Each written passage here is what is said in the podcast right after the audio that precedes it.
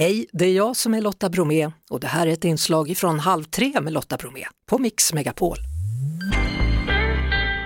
Mer än varannan svensk dricker mer alkohol under semestern jämfört med övriga tider på året enligt en undersökning av Novus. Och småbarnsföräldrar hör till de som ändrar sina vanor mest mot ett mer frekvent drickande.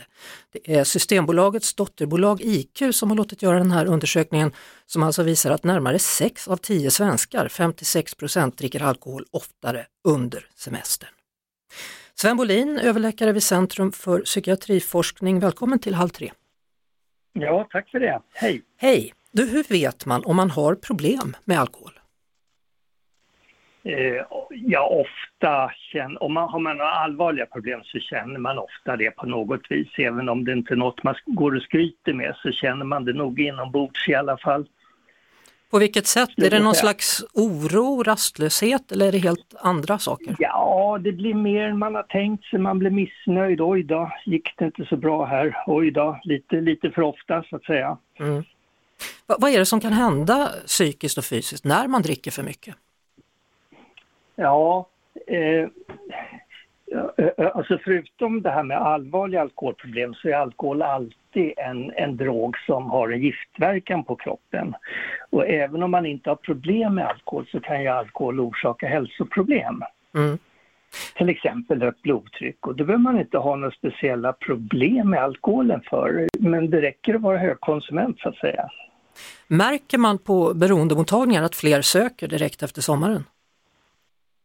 Ja, fast inte direkt efter utan först så vill man väl att livet ska återgå till det normala och man hoppas och tänker sig att man ska dricka lite som man gjorde innan, lite mer, lite mer måttligt. Men, det är väl sen när, man, när många i alla fall märker att det gick inte så bra, då, då söker man framåt september, oktober kanske. Så, det, så, det, så då ser man en liten uppgång. Mm.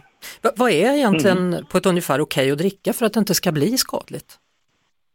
Ja, nu brukar man säga att forskningen har gått framåt och nu säger man att nu har man ett begrepp som heter lågriskkonsumtion och det är under 10 standardglas i veckan för både män och kvinnor. Pratar vi vin då eller vad pratar vi? Ja, standardglas det är, det är 12 gram alkohol definieras det som och det är ett standardglas är till exempel ett litet glas vin.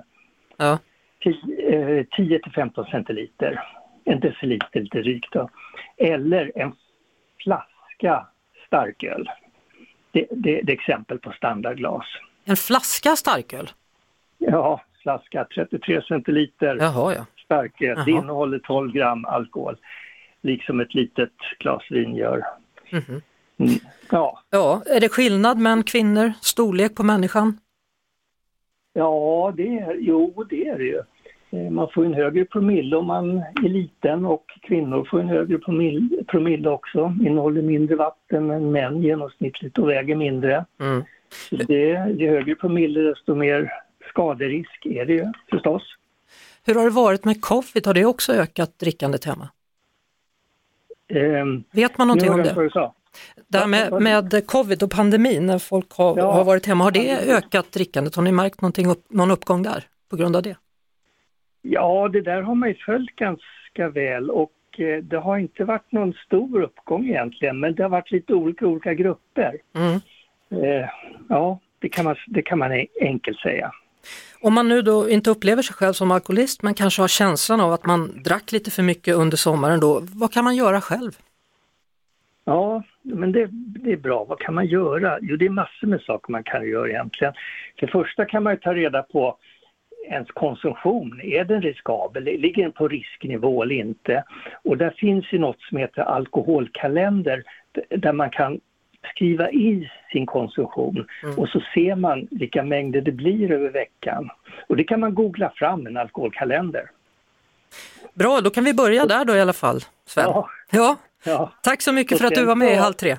Eller hade du ett tips till? Ja, jag har en lista på tips. Det, det, det skulle jag säga också sätta mål. Hur vill jag dricka? Mm. Det, det, är väldigt viktigt. Hur vill jag dricka? Tänka efter. Vad är jag nöjd med? Vad är jag inte nöjd med? Ja. Eller, eller så vänder man på det och säger så mycket vill jag inte dricka. Ja, ja, men det ska vara konkret och mätbart. Man ska man ska inte tycka att vad, vad som lagom man måste mäta för, om man nu ska kunna åstadkomma en förändring faktiskt. Och då använder man sig av en alkoholkalender. Tack så mycket Sven Bolin ja, för att du var med. Det är bra tips. Hej, ja, hej. Bra. Tack så Det var det. Vi hörs såklart igen på Mix Megapol varje eftermiddag vid halv tre. Ett poddtips från Podplay. I fallen jag aldrig glömmer djupdyker Hasse Aro i arbetet bakom några av Sveriges mest uppseendeväckande brottsutredningar går vi in med hemlig telefonavlyssning och, och då upplever vi att vi får en total förändring av hans beteende. Vad är det som händer nu? Vem är det som läcker? Och så säger han att jag är kriminell, jag har varit kriminell i hela mitt liv men att mörda ett barn, där går min gräns. Nya säsongen av Fallen jag aldrig glömmer på Podplay.